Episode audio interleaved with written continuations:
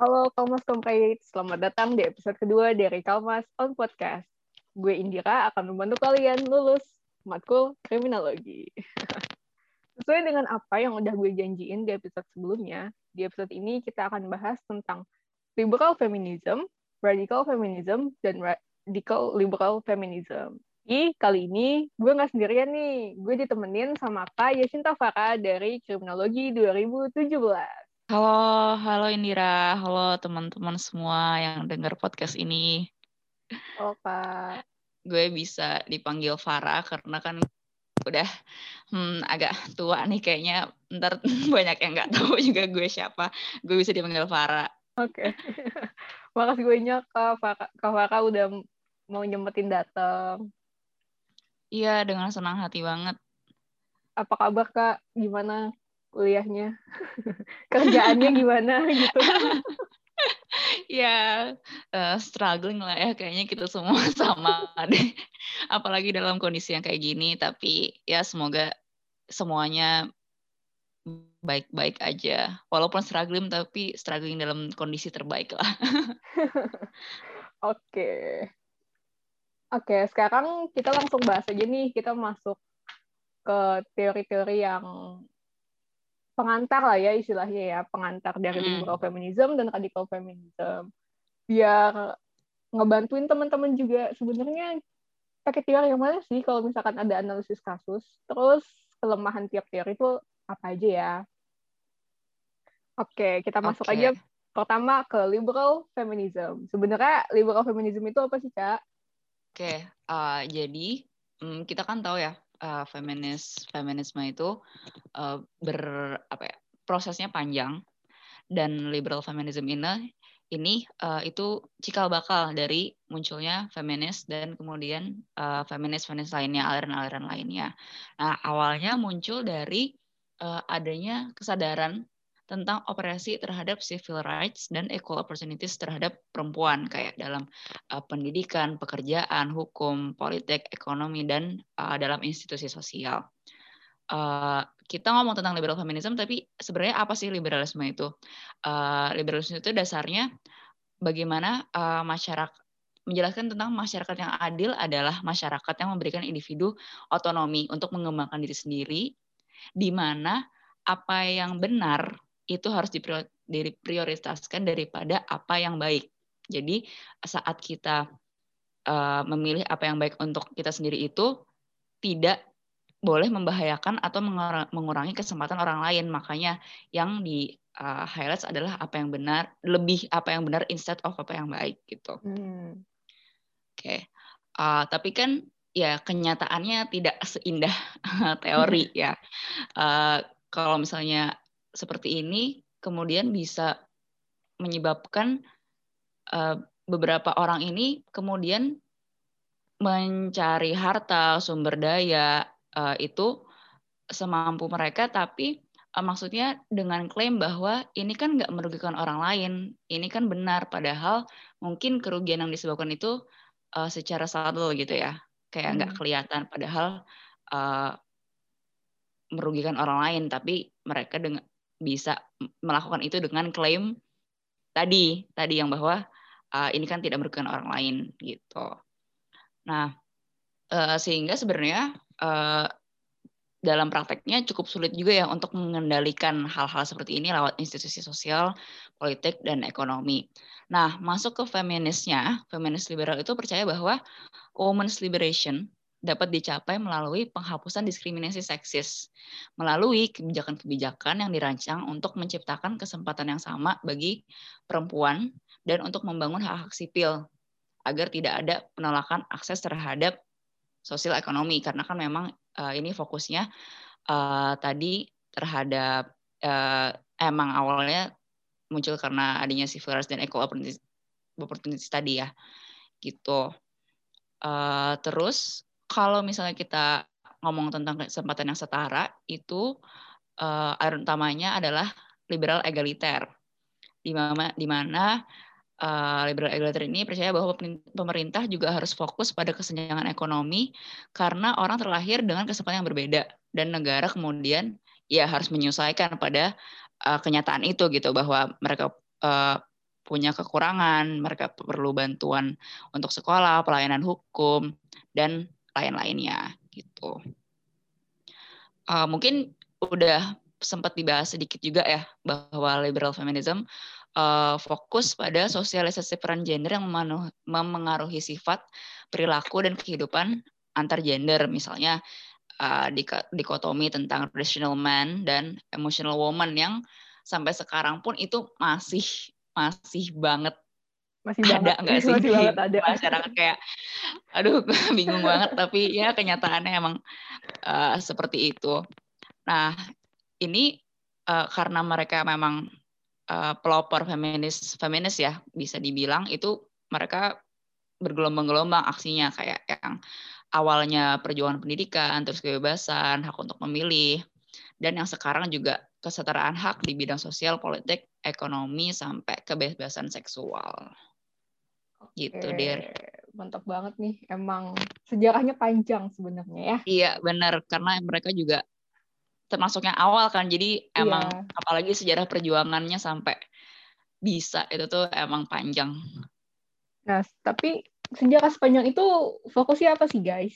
Nah, Awalnya, liberal feminism itu fokus pada perspektif perempuan kulit putih, kelas sosial menengah ke atas, yang mendapatkan pendidikan dan merasa pernikahan itu adalah institusi patriarkal yang yang gak cocok lah sama mereka gitu kan. Nah, salah satu tokoh nih, namanya Betty Friedan, menurutnya masalahnya itu ada pada over value atau kayak glorifikasi lah ya.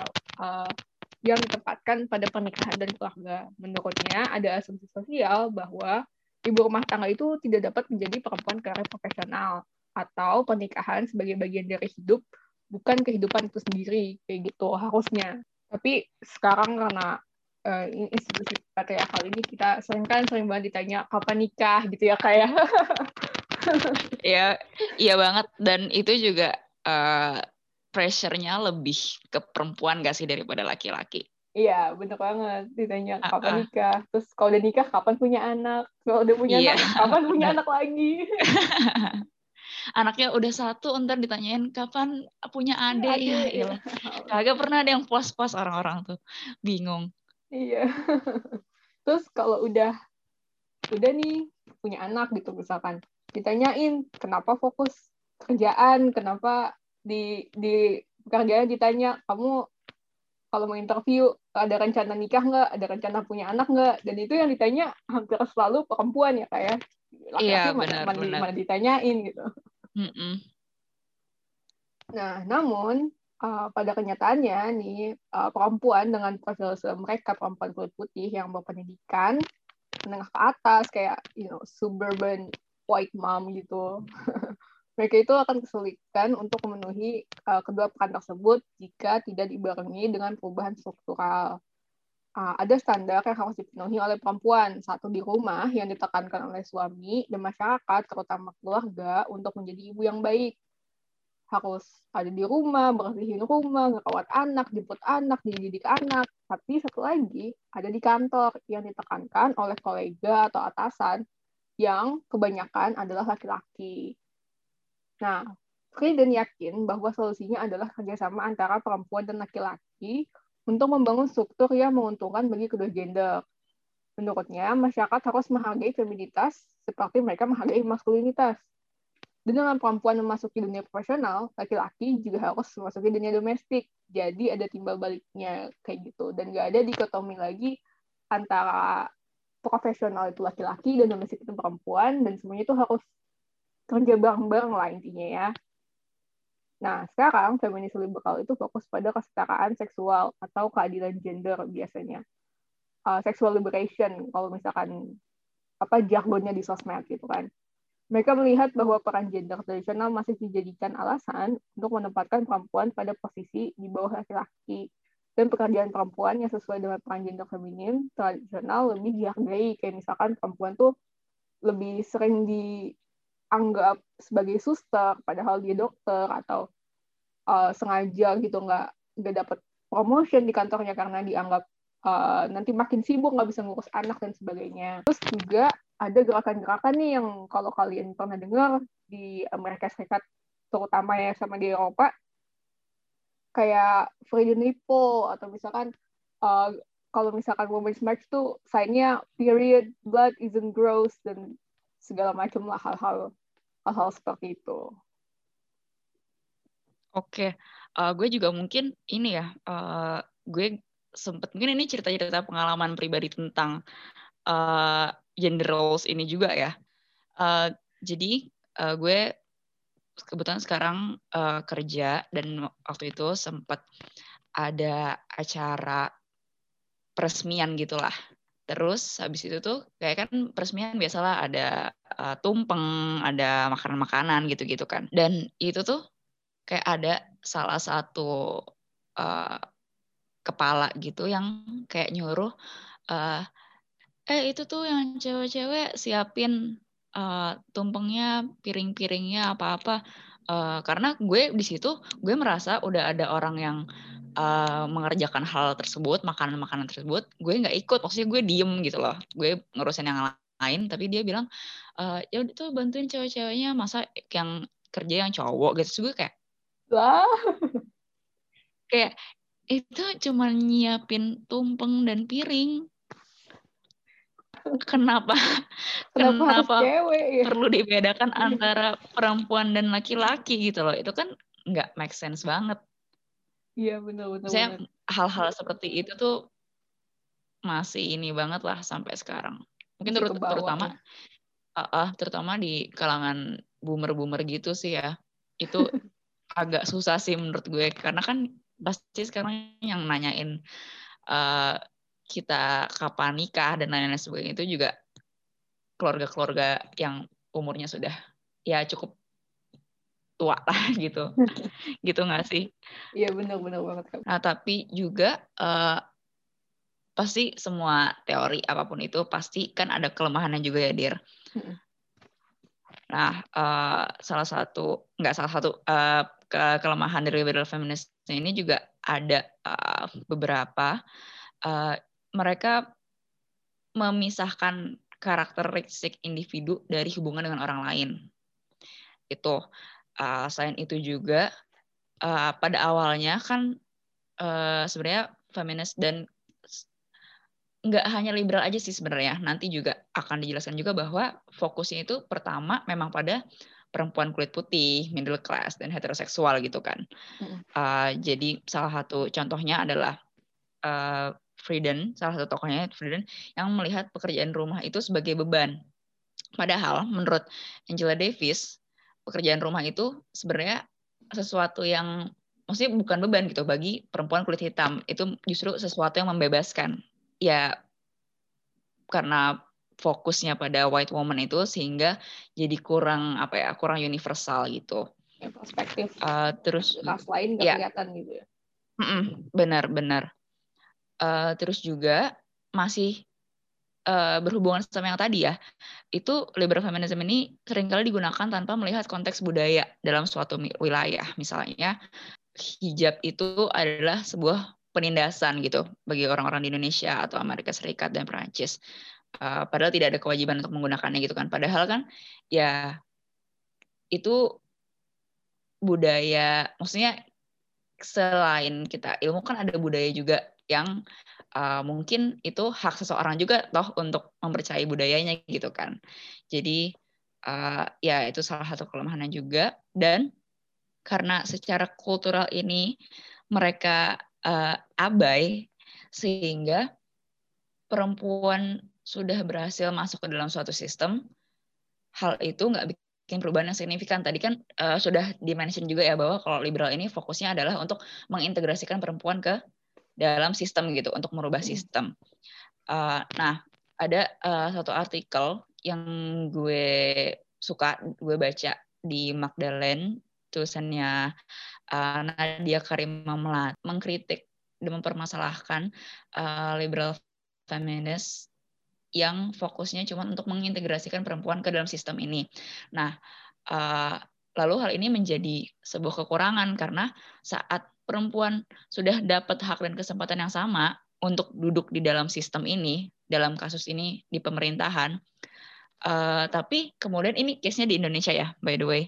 Uh, ini mereka ikut men, justru mereka ikut mendorong pengesahan RUU ketahanan keluarga yang kayak hmm, kayak gimana ya gitu loh kayak itu gitulah, gitu. suatu itu suatu tamparan juga gitu loh bahwa eh, nggak cukup karena balik lagi tadi saat perempuan sudah masuk ke dalam sistem sudah berhasil masuk pun kan banyak uh, pressure juga ya dari kolega-kolega laki-laki gitu apalagi di male dominated fields ya yang di mana kayak mungkin perempuan cuman be beberapa doang kemudian mereka jadi nggak bisa bergerak gitu loh. Terus juga uh, selain itu juga kita uh, punya kita maksudnya orang Indonesia punya menteri perempuan yang mungkin menjadi apa ya menjadi ikon gitu kan dir kayak uh, hebat gitu. Tapi uh, tapi pada nyatanya uh, mungkin ya gue nggak tahu juga tapi kan tadi kalau secara teori kan mungkin karena mereka pressure dari atasan dan lain-lain juga dalam sistem yang patriarkal juga ya kemudian mereka tidak berhasil memberikan kebijakan yang signifikan gitu terhadap uh, nasib kelompok marginal terutama perempuan kemudian yang jadinya ya isu-isu feminisnya sendiri uh, jadi mandek gitu. Di sini sebenarnya memperlihatkan bahwa liberal feminism ini terlalu berfokus sama pilihan dan solusi individual terus menerus tanpa menyerang permasalahan sistem dan pemerintahannya itu yaitu si kultur patriarki ini gitu. Hmm, mungkin contoh lain bisa kali ya kak. Jadi kayak CEO CEO perusahaan besar gitu terus uh, apa dia malah eksploitasi buruh jadinya gitu kan melanggar turut iya, melakukan benar. eksploitasi benar. pekerja gitu walaupun seorang mm -hmm. perempuan atau misalkan uh, prosecutor gitu ya jaksa atau hakim perempuan yang turut memenjarakan atau diskriminatif terhadap kelompok-kelompok marginal juga kayak gitu mungkin ya mm -hmm. benar uh, mereka masuk ke dalam sistem yang masih patriarkis ya maksudnya kita juga tidak bisa memungkiri ya bahwa nggak semua orang mempunyai latar belakang uh, ilmu yang memadai tentang feminis ini. Jadi ya hmm. kalau misalnya dia nggak tahu tentang hal ini, ya dia bisa terpengaruh juga gitu loh. Itu sesuatu yang sangat mungkin terjadi dan kita tidak bisa memungkiri bahwa uh, kita nggak bisa ngeklaim bahwa oke okay, semua perempuan uh, feminis dan harusnya tahu gitu kan juga nggak bisa kan ini kan sesuatu yang kita pelajari. Dan uh, gue pribadi dan mungkin beberapa teman-teman yang uh, di kriminologi juga ya baru tahu tentang isu ini saat masuk kuliah gitu kan. Dan itu kan sesuatu itu suatu privilege bagi kita dan nggak semua orang bisa dapat privilege untuk tahu ilmu ini gitu. Ya benar banget guys. Jadi uh, sebenarnya dengan adanya podcast ini juga untuk memperluas gitu ya kak, untuk memperluas pemahaman atas yeah. feminisme itu sendiri. Benar. Nah, uh, selain yang tadi disebutin nih, sebenarnya contoh kasus apa aja sih yang biasanya dianalisis menggunakan liberal feminism? Uh, pertama itu yang menurut menurut gue menurut gue ya kayak yang gue lihat di sosmed itu kan sering ada kayak body positivity movement terus mm, uh, apa yeah. namanya uh, kalau misalkan laki-laki Eh, kalau misalkan laki-laki boleh telanjang di sosmed, kenapa perempuan gak boleh gitu kan gitu kan seksualisasi ya, benar. bagian tubuh perempuan hmm. gitu kan terus misalnya nih dengan misalkan nggak uh, boleh menyusui uh, atau breastfeeding di luar ruangan gitu karena uh, apa bakal bakal bikin seseorang bikin beberapa orang jadi terangsang atau gimana gitu kan Iya.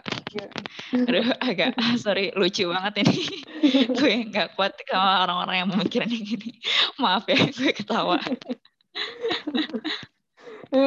emang emang emang lucu banget gitu sih. Terus sama dekat code sekolah nih yang kalau misalkan ribut-ribut gitu kan di sosmed uh, apa kerudung dipaksain atau enggak gitu kan. Atau enggak mm -mm. Uh, rok tuh harusnya sepanjang apa gitu. Nutupin dengkul atau uh, sampai betis atau nggak yeah, boleh nggak boleh pakai baju yang uh, kelihatan pundak gitu. Karena distracting hmm. ke pegawai laki-lakinya gitu. gitu tuh itu konsepnya yeah, benar. liberal feminism kayak gitu. Iya. Tapi ngomong-ngomong tentang uh, kerudung dan uh, menurut gue kenapa penting ya. Maksudnya gue juga berdoa semoga podcast ini didengar tidak hanya oleh anak krim uh, karena uh, karena uh, ya gue dulu juga waktu sekolah kan gue terutama pas pelajaran agama dan hari Jumat ya hari Jumat tuh kan wajib tuh pakai kerudung. Hmm. Saya gue hmm. ya karena gue nggak tahu ya gue nurut-nurut aja gitu loh walaupun juga curi-curi sama guru gitu kan. Karena gue karena gue kebetulan uh, gue muslim tapi gue tidak memakai uh, kerudung. Ya kadang-kadang ya kalau masuk terus istirahat gue copot kerudungnya dimarahin gitu-gitu kan. Padahal ya maksudnya dan itu gue merasa itu sebagai hal yang salah gue seperti itu gitu. Karena kan bisa dikurangin tuh poinnya. Kalau namanya di sekolah kan kayak gitu ya iya. pengurangan-pengurangan poin itu loh. Ya dan gue nggak tahu bahwa itu sebenarnya juga salah satu uh, apa ya pemaksaan gitu model pemaksaan pemaksaan ya. gitulah iya benar dan gue baru tahu ya sekarang ini makanya nih ini podcast semoga didengerin sama orang-orang lain juga jadi mereka Amin, gitu. uh, tahu gitu loh oke oke okay, okay. lanjut ya ya anak kecil kan kita eh, nggak uh, tahu apa yang terjadi gitu kan apa yang orang dewasa mm -mm. paksakan ke kita gitu jadi jalanin aja Bener. tapi ketika sekarang udah kuliah, udah belajar, oh ternyata salah ya gitu, itu hal yang normal banget guys. Jadi jangan ragu untuk ngeliat balik apa yang terjadi uh, di masa lalu kalian misalkan waktu masih kalian kecil, terus mengidentifikasi hal-hal yang sebenarnya salah loh kayak gini dan ya, itu benar. bisa jadi bisa jadi kayak pelajaran buat diri sendiri dan ke depannya gimana cara ngadepin orang lain yang uh, mengalami situasi yang sama kayak gitu. Ya, benar banget, setuju. Oke, lanjut nih Kak ke Oke. Uh, pandangan kedua, radikal feminism nih, yang yang mau dibilang beda, tapi nanti di bawah ada radikal liberal gitu. Tapi radikal feminism secara secara sendirinya nih. Sebenarnya tuh okay. apa sih Kak radikal feminism tuh Kak? Oke. Okay. Uh, ini mungkin kita nggak hanya feminis aja ya, maksudnya uh, isu-isu lain pun kalau orang denger radikal mungkin otaknya langsung kayak teroris apa ya kayak uh, kayak iya kayak yang fanatik serem gitu gitu loh yang kayak kayak yang apa ya intu banget sampai menghasilkan kekerasan gitu loh. Iya nggak sih? Kayak ya, ya kan misalnya agak fanatik agak fanatik agama iya radikal apa gitu gitu padahal sebenarnya uh, radikal itu kan artinya mendasar kan. Hmm. Kalau misalnya ada yang belum tahu, uh, maksudnya isu yang di ini adalah radikal itu isu-isu yang mendasar. Nah, uh, radical feminism ini um, cukup berbeda dari mainstream feminism lainnya karena uh, mereka melihat diri mereka sebagai revolusioner dan uh, tidak tertarik untuk bekerja dalam sistem. Jadi beda sama si uh, liberal tadi. Nah, mereka ini lebih uh, mereka prefer berjuang dalam pergerakan sosial yang radikal, yang mendasar kan seperti hak sipil dan pergerakan anti perang. Nah, uh, radical feminism ini menyatukan perempuan sebagai perempuan, sebagai uh, perempuan uh, dan sadar bahwa yang kesulitan penindasan yang selama ini uh, dialami oleh perempuan itu uh, tidak tidak berbeda jauh dari satu dan yang lain ya. Masalah-masalah yang kita alami itu sama. Uh, dan sebenarnya itu terjadi simply karena kita perempuan gitu. Karena ya masalah-masalahnya similar gitu loh. Uh, jargonnya adalah the personal is political di mana laki-laki ini mengendalikan kehidupan seksual dan reproduktif identitas diri, harga diri dan kepercayaan diri perempuan. Itu uh, feminis radikal ini juga uh, poin utamanya adalah tentang patriarki, di mana masyarakat dalam hierarki masyarakat patriarkis ini laki-laki menempati posisi superior dan perempuan itu dipandang berada dalam posisi subordinat. Dan hal ini sebenarnya uh, ya akar dari permasalahan semua permasalahan tuh ya karena adanya si patriarki ini gitu dir Iya, jadi kayak ada relasi kuasa gitu ya antara laki-laki dan Iya, perempuan benar. yang timpang. Nah, itu benar-benar hal uh, kata yang sering dilihat di artikel jurnal atau misalkan sering diomongin sama dosen tuh relasi kuasanya tuh timpang sebenarnya. Jadi Iya. uh, jadi ya gitu. Jadi perempuan ditempatkan di posisi subordinat, laki-laki yang ngendaliin semuanya dan uh, patriarki sistem patriarki ini diciptakan untuk uh, menem menempatkan laki-laki untuk stay in power gitu ya kak. Iya benar. Dan gue mau gue mau minta maaf sama semua uh, dosen yang dulu awal-awal gue belajar pas uh, beliau-beliau ngomong tentang relasi kuasa, gue nggak ngerti. Gue harus googling dulu apa itu relasi kuasa. Jadi kalau misalnya kalian semua di sini merasa kayak aduh gila gue bener-bener nggak tahu apa-apa, nggak apa-apa. Dulu juga gue kayak gitu. kayak gue tuh bener-bener nggak ngerti relasi kuasa itu apa sih gitu loh. Kayak ternyata ya ini penempatan yang tidak setara gitu gitu kan. Jadi ya nggak apa guys kita semua juga belajar. Gue pun juga di sini masih belajar gitu kan. Bukan yang oh, gue expert expert gitu enggak. Belum juga lulus ya kak. iya bener aduh jadi inget deh gue masih harus mengerjakan semua perintilan-perintilan kelulusan itu oke okay. oke okay. sebenarnya nih uh, fokus radikal feminisme itu apa sih nah radikal feminisme itu melihat patriarki atau dominasi laki-laki sebagai akar dari penindasan perempuan kayak udah dibahas di episode kemarin Nah, menurut uh, radikal feminisme, diskriminasi yang dialami perempuan ada karena relasi sosial yang dibentuk berdasarkan kekuasaan dan privilege laki-laki.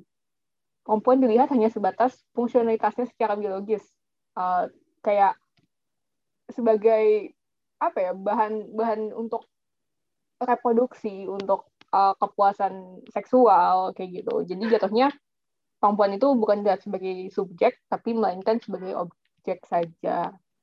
Nah, uh, radikal feminis ini punya theoretical starting point yang jelas, yang membedakan feminis radikal dari pendekatan lain. Pertama, teori ini itu dibuat oleh dan untuk perempuan, berdasarkan pada pengalaman dan persepsi perempuan, di mana perempuan itu tidak diharuskan untuk berkompromi dengan perspektif dan agenda politik yang ada, dengan uh, patriarki, dengan kapitalisme bahkan ya, be, uh, untuk be beberapa uh, apa radikal radikal sosialis feminis misalkan radikal cultural yang memang uh, apa namanya uh, tidak mau uh, tunduk atau menjadi bagian dari sistem.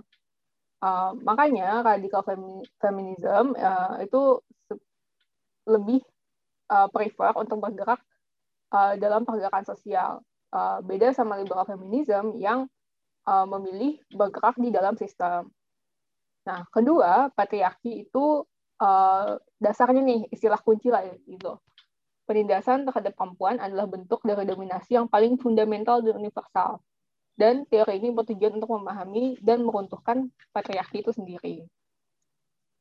Dalam kriminologi dalam kriminologi sendiri nih, fokus kriminologi feminis radikal ada pada bentuk kejahatan patriarkis terhadap perempuan seperti KDRT, pemerkosaan, pornografi, pelanggaran perempuan itu dilihat sebagai bentuk atau hasil dari akibat victimisasi sebelumnya. Kayak gitu. Oke. Uh, masih sama ya kayak liberal feminism tadi juga ada ada kelemahan-kelemahannya dong. Uh, Sebenarnya sama juga nih Dirs kayak yang tadi. Uh, karena pada masa itu uh, radikal feminism melihat perempuan itu sebagai kelompok homogen yang permasalahan utamanya ini mohon di highlight permasalahan utamanya adalah penindasan uh, oleh laki-laki. Nah hal ini waktu itu uh, membuat uh, kelompok perempuan berwarna colored woman kayak uh, black people terus dan uh, Asian terus mungkin waktu itu indigenous ini people masuk belumnya uh, ya pokoknya intinya itu uh, colored people itu merasa nggak mm, di-include karena di sini uh, permasalahan mereka bukan hanya sekedar laki-laki dan patriarki gitu tapi juga tentang uh, rasisme. Karena kan pada masa-masa itu ya ya sekarang aja rasisme masih masih banyak gitu kan gimana zaman dulu. Dan ini jadi uh, sama kayak tadi uh, liberal feminism yang terlalu berfokus sama white woman ini juga ternyata menjadi kelemahan dari uh, radical feminism. Terus juga uh, dikritik karena uh, dipandang mengeneralisasikan bahwa semua laki-laki itu jahat dan uh, menganut patriarki gitu dan dan menjadi pelaku dari budaya patriarki. Uh, dan juga dikritik karena mengkelompokkan semua perempuan sebagai korban begitu padahal uh, ini kalau kritiknya ya padahal uh, perempuan kan juga ada yang menjadi pelaku gitu. Nah uh, pemikiran seperti ini uh, dipandang uh, not useful dan bisa menjadi uh, stereotypical dan politically dangerous. Uh, walaupun kalau uh, gue pribadi sebenarnya uh, merasakan bahwa me memang perempuan bisa menjadi pelaku dan laki-laki bisa menjadi korban, namun pada nyatanya kan uh, data data dari dulu sampai sekarang menunjukkan bahwa memang uh, yang paling banyak menjadi korban adalah perempuan gitu. Uh, tapi kan ini memang kritik yang disampaikan ya, dan kita kan juga harus menyampaikan kelemahan-kelemahan dari radical feminism ini gitu. Jadi maksudnya jangan sampai uh, pendengar menganggap bahwa uh, kita nggak pro perempuan gitu karena ngomong apa yang barusan gue omongin tapi ini kan secara teori memang ada dan harus disampaikan karena kan ini secara ilmu kan kita ngomong hari ini diskusi secara teori gitu. Beda lagi kalau misalnya kita nanti ngobrol-ngobrol yang lebih santai mungkin pembahasannya akan berbeda gitu kan gitu sih. Iya benar benar banget guys. Jadi harus harus disampaikan ya walaupun terlepas dari terlepas dari apa yang kita percaya dan kita pahami terkait dari kejahatan-kejahatan terhadap perempuan dan laki-laki itu sendiri. Tapi emang nyatanya uh, kejahatan berbasis gender itu ada dan secara tidak proporsional itu menjadikan perempuan sebagai korban karena tadi balik lagi ada relasi kuasa yang timpang. Kayak misalkan nih contoh kasus yang bisa dianalisis menggunakan radical feminism itu ada ke, tadi kekerasan berbasis gender kayak pemerkosaan, terus penyebaran konten secara non konsensual kayak revenge porn, terus ada KDRT, ada uh, sexual harassment atau uh, banyak banyak lainnya gitu kan kayak sexual harassment terutama di tempat kerja yang yang memang relasi kuasanya tuh uh, kelihatan timpang banget kayak gitu. Ya benar. Jadi kalau misalnya uh, kalian ini masih bingung atau gimana, pokoknya intinya adalah kekerasan berbasis gender, di mana apa yang terjadi, kejahatan yang terjadi pada perempuan itu terjadi simply karena dia perempuan, di mana uh, laki-laki posisinya dominan gitu, gitu. Okay. Kalau untuk radikal feminis. Oke, okay, mantep nih. Emang gimana nih guys? Apa kalian masih bingung antara liberal feminism, radical feminism? lumayan lumayan jelas sih ya perbedaannya mungkin uh, uh, yeah. sangat uh, yang paling ketara adalah uh, femlib atau feminis uh, liberal itu mereka uh, jalan di sistem mereka uh, fokus pada menempatkan perempuan dalam posisi-posisi kuasa tapi tidak mengadres uh, atau tidak membahas tentang sistemnya itu sendiri. Tapi kalau radical feminism, mereka justru malah fokusnya untuk men-take down sistemnya itu dan tidak tidak masuk ke dalam sistem lah ya. Mereka mereka di luar sistem dan uh, fokusnya itu adalah uh, patriarki itu sendiri. Tapi apa jadinya nih Kak kalau misalkan kita gabungin dua-duanya? Namanya radical liberal feminism. Oke, uh, sebenarnya uh, kalau kita ngebahas tentang radical liberal feminism, nggak bisa lepas juga dari radikal kultural ya, karena sebenarnya uh, kan si radical liberal feminism ini masih dalam payung radikal feminis kan, jadi sebenarnya nggak beda, cuman justru pecahnya di dalam gitu loh, ngerti nggak sih? Mm-hmm. Ada gimana ya cara ngomongnya gitu deh, pokoknya pecahnya di dalam, nggak nggak pecah sih, maksudnya gimana ya? ya aliran, menjadi dua aliran, aliran gitu kan. beda gitu. Ya, benar-benar. Uh, jadi memang pada dasarnya feminis radikal itu mempercayai bahwa uh, seksisme, uh, patriarki adalah bentuk penindasan yang paling pertama, utama, terluas, terdalam, pokoknya paling dasar banget deh. Uh, tapi uh, juga kemudian tadi yang seperti yang gue bilang ada radikal liberal dan radikal kultural. Nah, uh, mungkin nanti kalau yang kultural bakal dibahas di episode, episode selanjutnya lainnya ya. Iya. Uh-uh. Kira ah oke. Okay.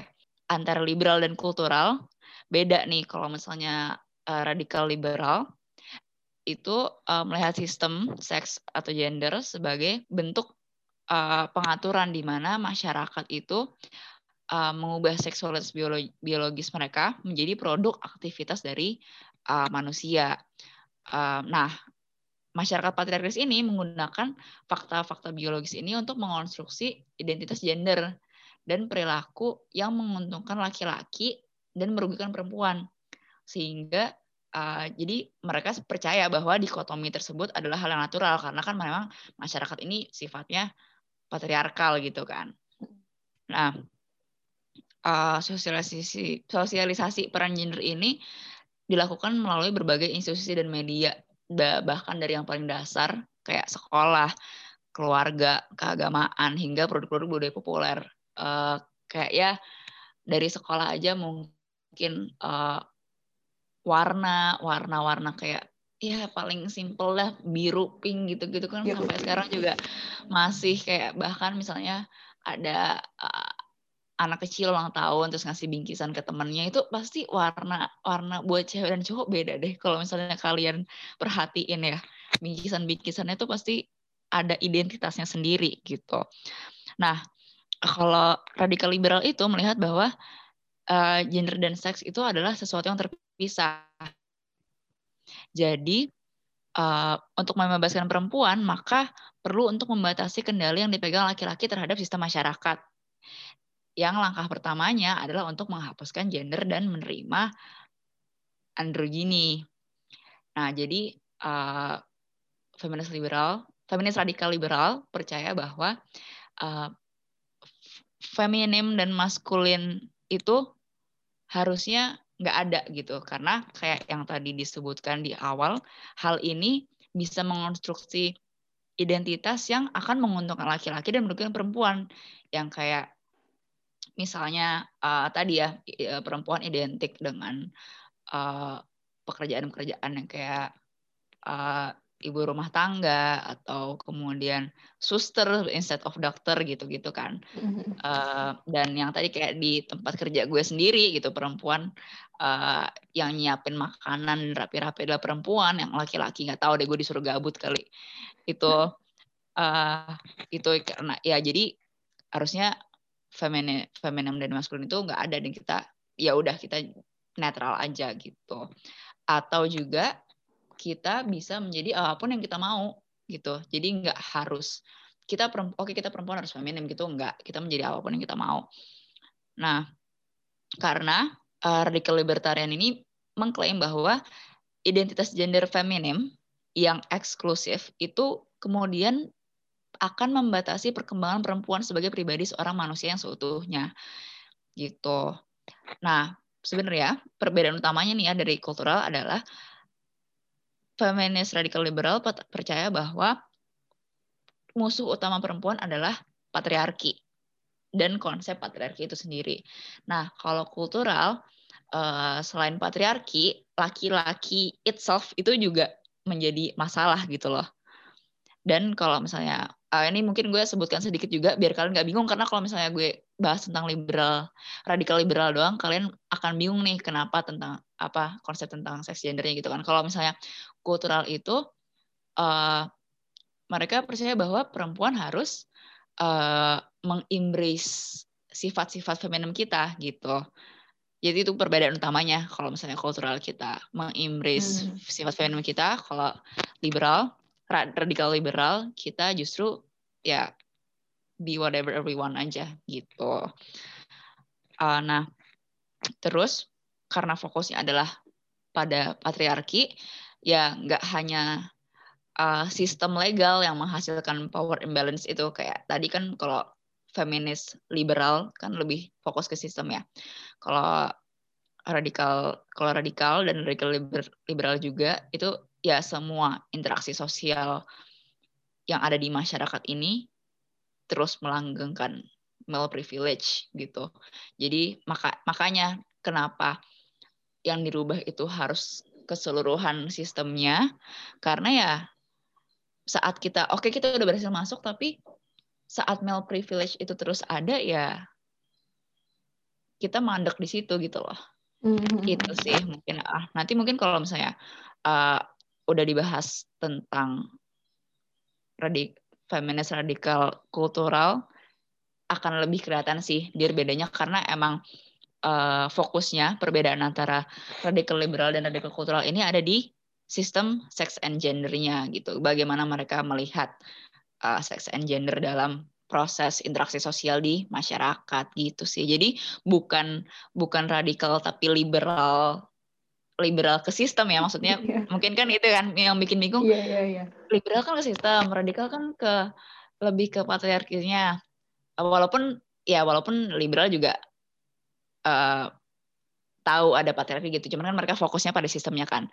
Uh, kalau radikal ini tapi kok radikal tapi nah, nah, nah, nah. jadi kita clearkan sekarang bahwa radikal liberal itu tetap bukan fokusnya di sistem gitu tetap patriarki tapi lebih ke pembahasan tentang sex and gendernya ini gitu jadi beda ya teman-teman radikal yeah. liberal jadi yang diambil itu liberal asmin kebebasannya bukan apa sih bukan arah arahnya ngerti nggak dir? Aduh gimana ya, bukan bukan pergerakan sosialnya gitu ya bukan ah, ah ya, ya. bukan pergerakan sosial tapi lebih ke definisi dari liberal liberal itu apa sih gitu. Ya.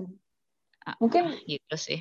gue mau balik lagi nih kak ke tadi poin yang untuk apa uh, soal perbedaan femininitas sama maskulinitas nih. Um, mm -hmm. tadi kan Kak Farah sempat nyebutin kalau misalkan ngasih bingkisan tuh beda warna gitu kan antara laki-laki sama yeah. perempuan. Mm-hmm. Tapi yang beda juga apa yang dikasih gitu kan. Kalau misalkan Iya, benar benar benar banget. Kalau misalkan uh, perempuan itu dapatnya alat masak-masakan. Duh, gue inget banget waktu kecil, gue waktu kecil tuh dapetnya tuh alat masak-masakan, Barbie gitu kan. Boneka plushie, sedangkan adik gue tuh yang cowok dapetnya kayak uh, kaset PS, terus uh, bola kayak gitu yang aktivitas di luar, sedangkan perempuan tuh di dalam. Terus gue juga waktu itu uh, apa namanya waktu kecil tuh pernah uh, dibilang jangan jangan suka main di luar nanti bajunya kotor gitu kan. Sedangkan adik gue tuh uh, kalau di dalam rumah terus tuh kayak kamu laki-laki keluar rumah kenapa sih gitu kan olahraga yeah, atau bener, atau apa bener. gitu kan. Nah, yeah jadi uh, liberal tuh uh, radikal liberal tuh percaya bahwa dari situlah dimulai adanya uh, ketimpangan antara yeah. Iya. uh, nilai yang diberikan kepada feminitas sama maskulinitas kayak gitu. Mm -mm. Benar kayak gitu. Tapi ngomong-ngomong tentang itu tadi ya, dulu juga waktu masih waktu gue masih SMP itu ya kayak laki kalau putih itu dianggap maaf ya ini maksudnya ini kan secara kasarnya ini gue omongkan apa yang orang omongkan ya bukan gue yang ngomong ya. Iya, iya. kalau kalau laki putih tuh justru kayak dianggap dianggap maaf bencong gitu loh.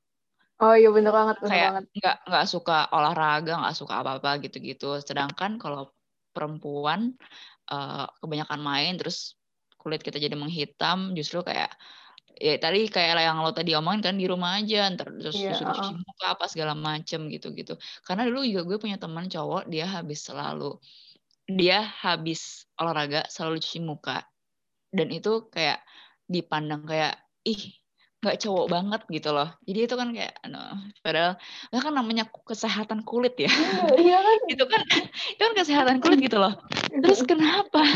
Cuci muka gitu kan Iya itu sih kayak gitu kayak gitu ya masih lah sampai sekarang. Hal -hal kayaknya kayak gitu. Kayaknya gue yakin deh kak temen lo yang tadi cuci muka itu sekarang nggak jerawatan tapi temen lo yang ngatain itu iya, jerawatan banget. Struggle banget. iya iya dan itu masih SMP lah maksudnya gue justru dia aware akan kesehatan kulit dari itu kan tergolong masih muda ya masih Iya, uh-huh. ya itu kayak justru ya ya gue tepuk tangan gitu loh gue jadi dulu nggak tahu cuci muka apaan gitu Dulu- Dulu dulu cuci muka pakai sabun sabun sabun badan juga. iya sekalian Oke, jadi gitu guys intinya. Kalau misalkan uh, apa tadi liberal feminism itu mereka fokus untuk menempatkan perempuan di dalam sistem, tapi tidak melawan sistem. Uh, kalau kalau radikal feminism fokusnya adalah untuk melawan sistemnya itu sendiri. Gue kebanyakan ngomong sistem nih kayaknya nih. iya tapi emang fokusnya tuh di situ gitu. iya benar itu Iya. yang paling mendasar perbedaannya sih maksudnya biar kalian bisa ini kan untuk memudahkan kalian mengidentifikasi kan sebenarnya tujuannya ah itu ya lanjut biar Iya benar banget. Nah, uh, terus radikal feminism itu mereka fokus sama uh, kebebasan identitas dan nilai yang diberikan oleh masyarakat terhadap uh, feminitas sama maskulinitas itu sendiri yang nantinya akan mempengaruhi bagaimana feminitas dan maskulinitas ini berinteraksi di uh, masyarakat luar kayak gitu. Oke, bingung Ya, nggak benar. teman-teman? Semoga udah ini ya, karena pasti ini yang agak trikinya sebenarnya saat kalian baca tentang radikal liberalnya ya, karena kok kayak kok radikal tapi ada liberalnya Liberal, gitu. iya. Semoga, uh-uh, semoga ya membantu juga. Dan gue juga sebenarnya gue mau berterima kasih sih Dir sama uh, lo dan teman-teman Kalmas lainnya, karena menurut gue ini penting banget karena dulu gue juga maksudnya sebagai mahasiswa yang agak-agak hmm, kurang pintar gitu ya. Kayak gue tuh bingung juga gitu loh untuk menggunakan teori apa dan gimana gimana kayak gue harus uh, baca lagi dari awal kayak ini cocok nggak ya? Ini cocok nggak ya? Ini cocok nggak ya? gitu gitu dan menurut gue sih kalau misalnya gue masih angkatan muda ini akan sangat berguna bagi gue Iya, tujuannya sih Dan gitu mungkin- sih.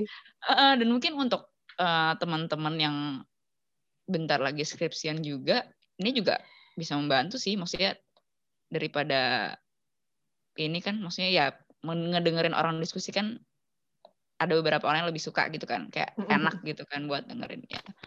Itu sih makasih ya. Semoga berguna buat semua teman-teman.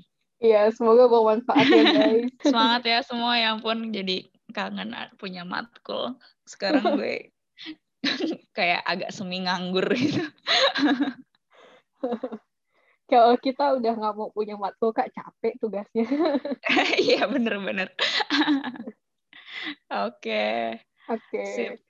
Makasih banyak Kak Farah sekali lagi. iya makasih juga Iya, seru Iya. banget tadi. Semoga bermanfaat lagi ya buat Iya. teman-teman. Eh, untuk next next episode seperti yang udah dijanjiin kita bakal bahas tentang radical, radical cultural feminism, Marxist and socialist feminism. Kira-kira next episode ngundang siapa lagi ya buat diskusi? Tungguin aja guys. Sampai jumpa di episode selanjutnya. Dadah. Dadah, terima kasih semua yang udah dengar